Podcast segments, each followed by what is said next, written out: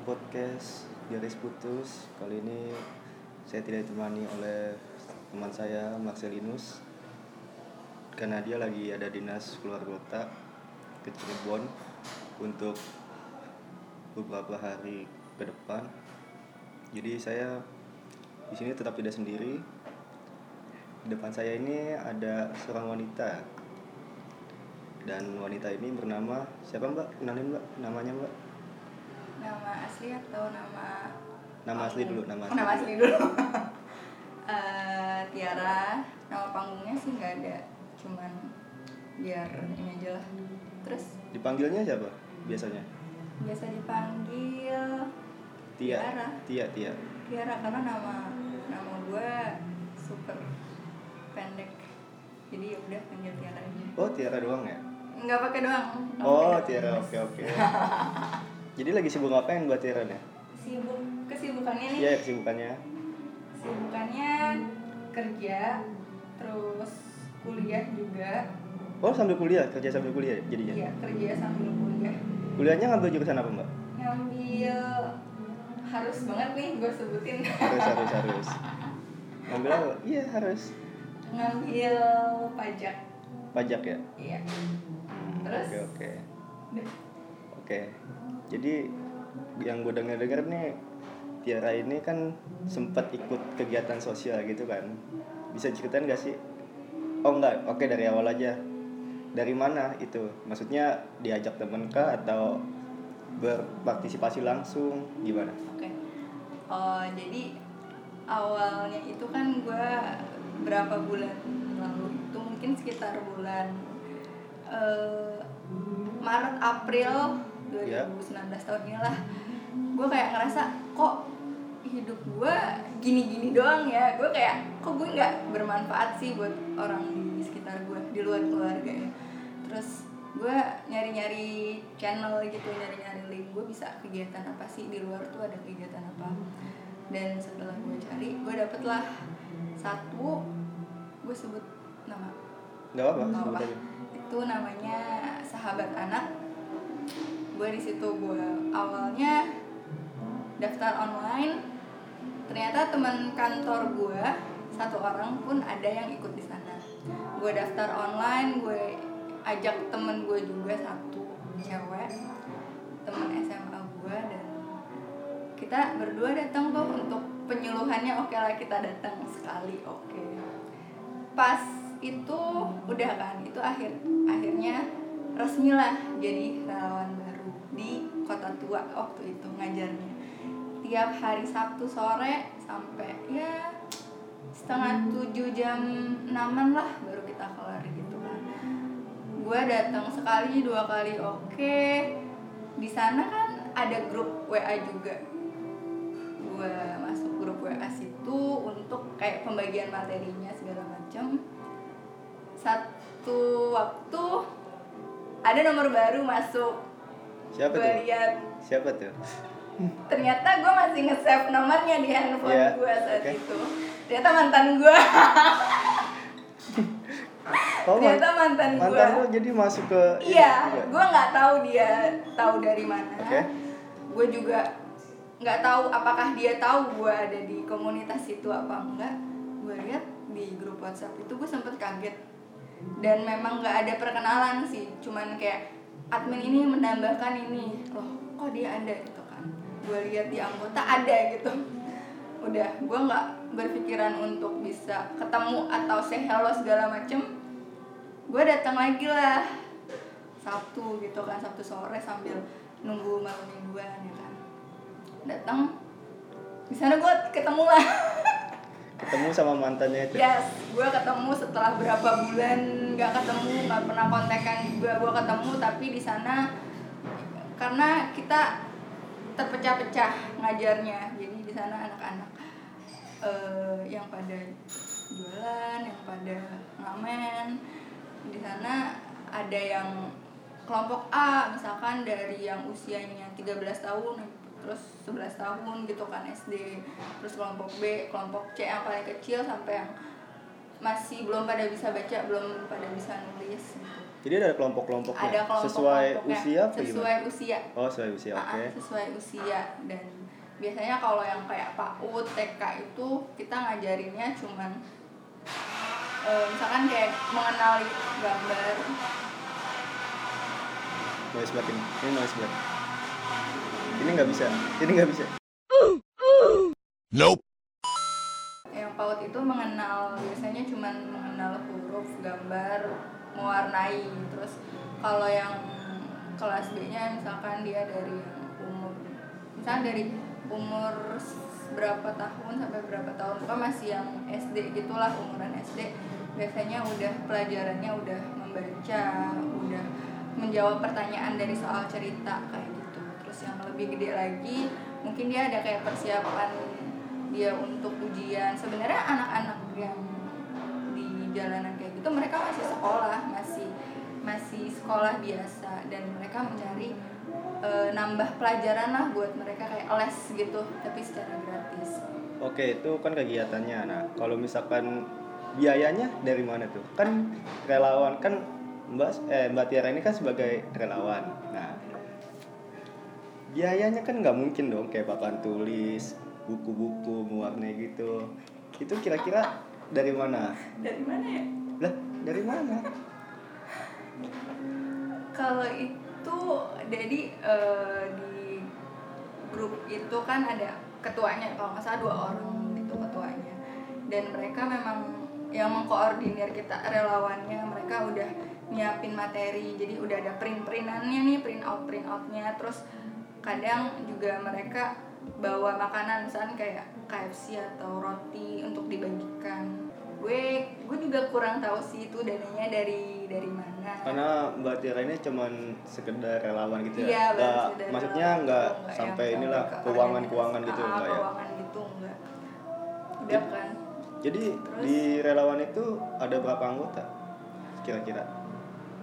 jadi seperti yang kita tahu kan kalau misalnya organisasi itu masalahnya itu kan relawan yang datang pergi datang pergi kayak Iya, gitu iya, iya, ya iya. kan jadi kita kesukarelaan untuk kita ngajar apa kita off dulu nih jadi bisa kalau lagi kakaknya banyak itu bisa sampai mungkin 8 orang, 10 orang, tapi kalau misalkan dikit itu paling cuma 3 sampai 5 orang yang ngajar. Anak-anak yang mereka pada ikut eh, kelompok belajar gitu juga nggak sendiri gitu, ada orang tuanya juga yang kadang nemenin itu neneknya atau ibunya doang yang nemenin mereka gitu. Dan di sana kita sebagai relawan pun kita nggak bisa yang cuman satu sisi nih kita perhatian doang gitu kan kita baik. Tapi kita ada saatnya kita untuk tegas untuk bilang enggak untuk bilang nggak boleh gitu. Karena kebanyakan dari yang gue rasain mereka anak-anak itu manja manja banget. Nyari perhatian kita. Terus juga ada yang bandel bandel banget ngusilin temennya Iya, gitu iya, kan iya, ngusilin ada. kita juga. Terus ada yang pendiam pendiam banget. Jadi pendekatannya beda-beda. Ya pendapatnya mesti Mm, beda-beda. Biar apalagi mereka kan eh, kebanyakan waktunya dihabiskan di jalanan gitu ya. jalanan. Untuk cari nafkah atau gimana ya? Nah, balik lagi ke mantan gua yang gua ketemu itu, gua Ya. kan nggak nggak tegur sapa lah segala macam nggak tegur sapa. Terus gua kayak mungkin gue kurang profesional apa gimana gitu kan gue kayak gue nggak nyaman aja satu sini tuh kalau sama sama orang yang gue hindari Yang- gitu kan Yang hindari atau yang pernah menyakiti? dua-duanya Oh dua-duanya oke. dua-duanya jadi gue mikir aduh gue nggak bisa ini satu lingkungan satu organisasi gitu yang bersinggungan langsung gitu kan. Karena eh, kayak udah nggak bisa jadi temen yang enak aja gitu. Mungkin dari gue sendiri kali yang terlalu gimana. Akhirnya gue kayak mikir-mikir gue nyari lagi nyari organisasi lain tapi yang sejalur juga yang sejenis dengan Iya iya. itu Terus sebelum itu kan tadi yang awalnya itu di mana namanya organisasinya? di sahabat anak kota tua Nah, sahabat anak itu ada berapa? Eh maksudnya berapa lama kira-kira? itu kayak cuman sebulan atau dua bulanan nah gue mau nanya jadi gimana ya jadi, jadi gue mau nanya apa sih latar belakang anak-anak ini rata-rata maksudnya kan lo kan ngajar kan juga kan nah itu kebanyakan latar belakangnya gimana ya maksudnya kegiatan anak-anak ini biasanya ngapain kebanyakan latar belakang mereka itu kebanyakan dagang dagang iya tapi mereka masih sekolah kayak dagang-dagang tisu dagang tisu atau Siapa? dagang mainan Iya iya mainan Anak-anak. anak-anak ya. Ada ngamen juga ya, Bes? ada yang ngamen juga ada yang ikut ibunya ngemis Wah, ada juga. iya Nah, itu latar belakang anaknya nah. Latar belakang orang tuanya serabutan serabutan ya. Jadi pekerjaan gak tetap ya kayak misalkan apa namanya kayak ngumpulin barang-barang bekas, terus kayak ada ngemis juga ya. Mm-mm. Ada ngemis segala macem lah. Hmm, gitu. Oke. jadi memang di kota tua itu crowded sih kalau menurut gua karena yaitu lingkungannya seperti itu lo tahu sendiri kata tua Iya, iya, iya. gimana. terus juga dari orang tuanya ya udah gue kayak gini ya udah gue lepasin gitu. Iya, karena orang tuanya sibuk cari nafkah. Iya sih Nah, udah sibuk aja masih kurang, apalagi nggak sibuk kan? iya dong. kayak kita nih Oke, dua bulan ya. Terus lanjut ke mana lagi? Kan karenanya nggak nggak nyaman kan ada mantan di situ karena satu circle nggak mau satu circle sama Iya. mantan di organisasi itu. Terus lanjut ke mana? terus gue eh, di diajak sih. Sebenarnya gue yang mau ngikutin diri gitu kan ke namanya jendela anak Jakarta jenjak Jakarta Oke. disingkatnya itu dia biasanya di dia punya tiga perpus. Yang pertama itu di Manggarai yang lumayan rame anak-anaknya juga. Terus yang kedua di Serpong yang ketiga di Sungai Bambu Jakarta Utara. Gue Oke. di Sungai Bambu. Gue pertama diajakin sama temen gue oke gue tanpa awal datang sekali datang gue belum ada rekrutmen. Karena dia belum oprek belum open rekrutmen buat relawan baru. Jadi di sana gue masih ketemu relawannya sedikit. Terus anak-anaknya pun gue ngajar di R Petra. Sungai Bambu Petra ya. Iya, Petra itu lebih lebih kondusif tempatnya Iya iya. dibanding Karena kan di Petra kan kayaknya baru-baru ini ya. Maksudnya ya pasti Udah bagus lah, bagus gitu lah pasti kan, ya. Fasilitasnya Iya juga iya. Nyaman juga ya. masih baru gitu dan di sana eh, anak-anaknya itu lebih kalem Kalem ya. lebih eh, orang tuanya juga yang ada yang misalkan maaf tukang cuci atau ayahnya itu satpam dan mereka ke tempat itu ya untuk ya udah nggak apa-apa anak saya belajar nih titip ya gitu Ya, kan selama kan positif kan ngajarinnya kan, enggak Iya, bukan ajaran yang ngajarinnya radikal kan positif. enggak kan? enggak lah Oke oke, kirain ajaran Nah, ajaran radikal. bedanya dengan di saat gue ikut di SA Kota Tua dengan di Jenjak Sungai Bambu itu, kalau di SA yang tadi gue udah singgung, kita ada koordinatornya, kayak ketuanya gitu yang Ya, menyiapkan materi, udah print out, print out segala macam, tinggal dibagiin. Kita tinggal bawain ya. Kita ngajar, hmm, kita bawain. Nah kalau di Jenjak Jakarta itu ada juga grup WhatsApp. Jadi di sana tiap minggu yang mau yang bisa gitu kan yang bisa ngajar di eh, wilayah ini di misalkan di Sungai Bambu siapa aja temanya tentang misalkan kelas dia per kelas lagi tuh misalnya kelas A kelas B kelas Oke C oke. terus eh, kelas A temanya ini kelas B temanya ini gitu kan kita bawa sendiri kita entah bawa print out sendiri materinya atau mungkin ada alat peraga gitu kan Yang penting tema nggak nggak keluar dari Nggak- tema ya. keluar dari tema Jadi kita bisa seenggaknya kita pengajar juga bisa berkreasi kan. Ah, ah. Oke. kita kita juga nyari jadi kayak Iya. misalkan gue ngajarnya tiap hari minggu pagi jam 9 gitu jadi Sabtu Jumat atau Sabtu gue udah nyari materi gue udah print gitu kan di sana juga anak-anaknya lebih rapi Lebih rapi. karena pagi kan masih pagi Iya, masih baru fresh pada ya? mandi gitu kan Iya, jam oke. 9 sampai jam 11 atau jam 12 siang baru kita selesai ada breaknya juga waktu istirahatnya sekitar jam 11an gitu terus nah selama ngajar nih kan kalau ngajar anak-anak itu biasanya kan pasti nanyain kan apa sih cita-cita? Nah cita-cita kan biasanya nanyain tuh pengajaran cita-citanya mau jadi apa gini-gini. Nah itu secara garis besar cita-citanya menjadi apa sih anak-anak itu? Dokter kalau yang cewek ya kebanyakan. Dokter. Jadi Iya. cewek dokter kalau cowok? Kalau cowoknya dia pengen jadi pemain sepak bola terus juga polisi dan polisi Mm, dan kita tuh sebagai relawan kita nggak cuma ngajar nih jadi ada kegiatan kayak outingnya gitu jadi entah kita ke museum atau mungkin ke gelanggang mana gitu kan untuk kakak-kakak yang mau ikut yang bisa tapi mungkin pakai dana pribadi kita maksudnya untuk akomodasi kita sendiri Iya ya iya iya iya. kan nah, itu pakai Jadi ibaratnya outing itu ya kalau sekolah-sekolah kayak study tour gitu lah ya. yes. Nah, itu Jadi ngajarin buat ya lu nggak cuman sekedar tahu dari buku, lu bisa ngeliat langsung di museum kan benda-bendanya apa kayak gitu. Oke. di SA juga kayak gitu kok di sahabat anak dia misalnya kayak ke gereja atau ke masjid kayak istiqlal kayak gitu museum wayang di jenjak itu dia ada oh gue ada ikut open rekrutmennya setelah berapa kali ngajar gitu gue Jadi open recruitmentnya ini misalkan kayak ada klasifikasinya nggak sih?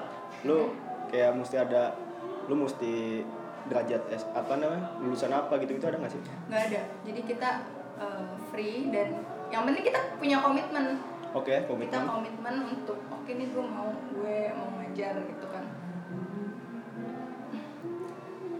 itu gue waktu itu di daerah kuningan gue ikut rekrutmennya gitu jadi kita dikumpulin dikumpulin dalam satu tempat gitu. Terus di sana kita perkenalan kita games juga per tim gitu kan supaya saling kenal. Dan di sana gue jadi punya ya teman baru lah dibilang. teman baru ya. Ah, teman baru dari dari segala banyak lah. Ada yang rumahnya di sini atau mungkin dia lagi nerusin kuliahnya lagi kerjanya di mana bagian apa gitu. Jadi lebih banyak relasi gitulah kenalan Iya iya. gitu orang Teman baru lingkungan baru ya. iya pacar baru Pacar baru. Siapa pacarnya sekarang?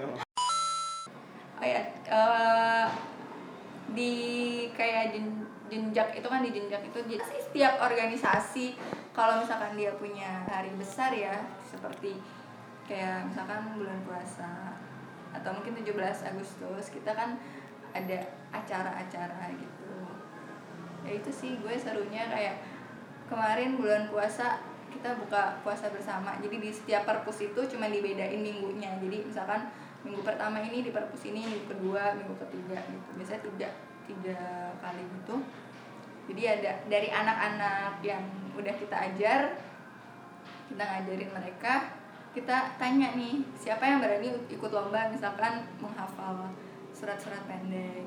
Iya, atau nggak doa-doa gitu ya. doa-doa terus juga ada mewarnai juga waktu itu jadi yang bisa yang berani sebenarnya yang berani untuk ikut lomba ini siapa kalau untuk mewarnai ya semua orang juga pasti Bisa. kita bisa gitu kan saya berani gitu Berani. kan tapi ya itu yang gue lihat juga dari ngajar anak-anak itu keberanian mereka untuk bicara di depan teman-temannya tuh masih kurang mungkin mereka takut salah mungkin Jadi, mereka nggak tahu Percaya dirinya kurang. kepercayaan dirinya masih kurang dan kalau ada anak yang pendiam banget tapi setelah kita deketin deketin jadi dia mau sedikit terbuka. terbuka sama kakaknya gitu kan dan di Sungai Bambu itu kalau misalkan dari entah itu kakak-kakaknya atau mungkin kakak ke adiknya atau adik ke kakaknya gitu kalau misalkan ngomong gue lo atau ngomong kasar jadi kayak kita punya celengan masukin uang ke situ berapa aja kalau kita ngomong lu ngomong kasar Oh, nggak boleh ngomong gue. nggak boleh jadi, Jadi, kita harus kayak aku kak kamu. Tiara kak Tiara gitu Oh, oke misalkan oke. Misalkan Kak Tiara, eh Iya. kamu gini gini, pakai Ah, pakai bahasa gini. Pakai Indonesia, bahasa bahasa Indonesia yang baik lah pokoknya Iya. lah, yang ada di KBBI yang, lah. yang tidak yang tidak mencontohkan yang jelek gitu lah Oke, oke, oke. istilahnya. terus juga apa ya dari kakak-kakaknya sendiri gue lebih lebih senang di jenjang gue bukannya mengcompare mungkin di SA itu gue waktunya singkat jadi nggak terlalu kenal dengan kakak-kakaknya gitu. Tapi di jenjak itu eh, kenal lumayan deket lah maksudnya sama kakak-kakaknya. Mungkin karena seumuran banyak yang seumuran saat itu. Jadi gue abis makan eh abis apa? Abis ngajar biasanya kakak-kakak relawannya itu kan ngajar jam 12 selesai pas banget makan siang ayo kita makan dulu mie Aceh atau makan bakso gitu kan. Atau waktu itu gue pernah ke Dufan kayak gitu kan. Tiba-tiba mendadak kayak ke Dufan. Dan itu berlanjut sampai ke keluar sih. Tapi gosip juga cepet. Gosip apa yang cepat di lingkungan kayak gitu juga cepet gitu. Kayak misalkan eh, gue sempet di dideketin dideketin sama satu relawan gitu. Dan ternyata setelah gue lihat dari apa di komunitas itu gue kira dia lebih tua dari gue gitu. Karena dia ngomongnya dengan pede gitu kan. Kalau misalnya ngajar juga pede dan dia da kayak datangnya selalu telat. Gue pikir ini kayak ketuanya gitu kali ya kayak ketua gengan gitu kan. Dan ternyata pas setelah dia kayak mulai ngechat gue gue tanya juga tanya balik ternyata dia lebih muda dari gue mungkin tampang yang tua ya. Iya oke ini kan jadi kan pernah dua di organisasi nih ya. Jadi biar persingkat waktu aja jadi kesimpulan yang dapat apa sih dari dua kegiatan sosial ini yang lu dapat buat gimana sih maknainya dari kedua kegiatan sosial ini? Kesimpulannya sih gue bisa merasakan kayak di diri gue gitu. Jadi lebih bermanfaat ya? Jadi berguna buat orang lain karena gue jadi mikir diri kita oke kita ibadah tapi ibadah kita nggak cuma sholat puasa doang loh. Kita masih punya eh, hubungan dengan makhluk. Sesama manusia. Sama manusia. Terus juga lebih apa ya lebih bisa untuk mengobservasi orang. Maksudnya dengan kita ketemu dengan orang baru lebih mengenal lebih bisa ngebaca ini karakter orang ini gimana sih dibanding kalau kita nunduk kita nggak kenal siapa siapa orang baru gitu kan. Terus juga lebih apa ya lebih pengen peduli dan pengen berbuat kebaikan itu nggak cuman ke dalam aja sih tapi keluar kita juga bisa walaupun itu hal kecil kayak ngajarin mereka kenal huruf atau mungkin ngajarin mereka ngitung itu kayak sederhana tapi kok ini ya rasanya ya kayaknya kalau ngeliat mereka senyum atau ketawa pasti seneng banget ya. Iya. Ada bahagianya Nah, sih gitu kan. karena kayak gue inget eh jadi gue inget keponakan gue gitu kan seumuran Oh, iya, iya. tapi gue kayaknya dulu masa kecil gue nggak kayak gini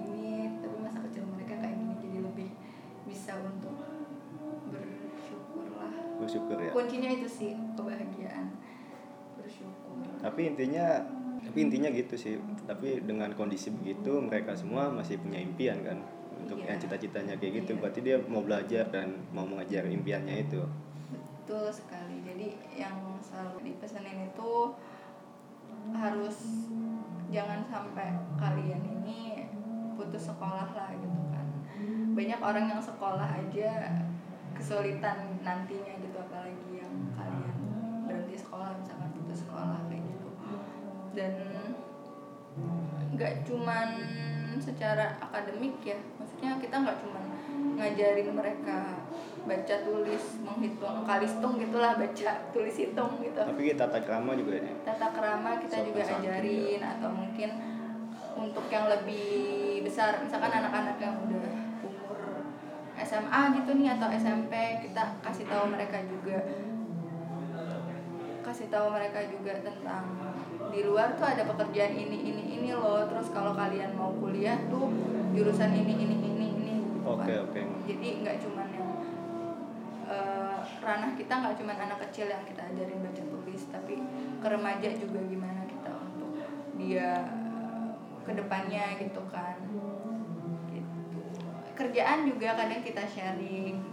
Misalnya kayak di tempat kantor kita nih lagi butuh admin admin gitu terus ada yang baru lulus SMA atau SMK bisa kita info. Oke oke. Oke cukup sekian. Terima kasih atas kehadiran dari Tiara ini. Dia membuka seolah-olah membuka sisi lain kehidupan ya. Membuka luka lama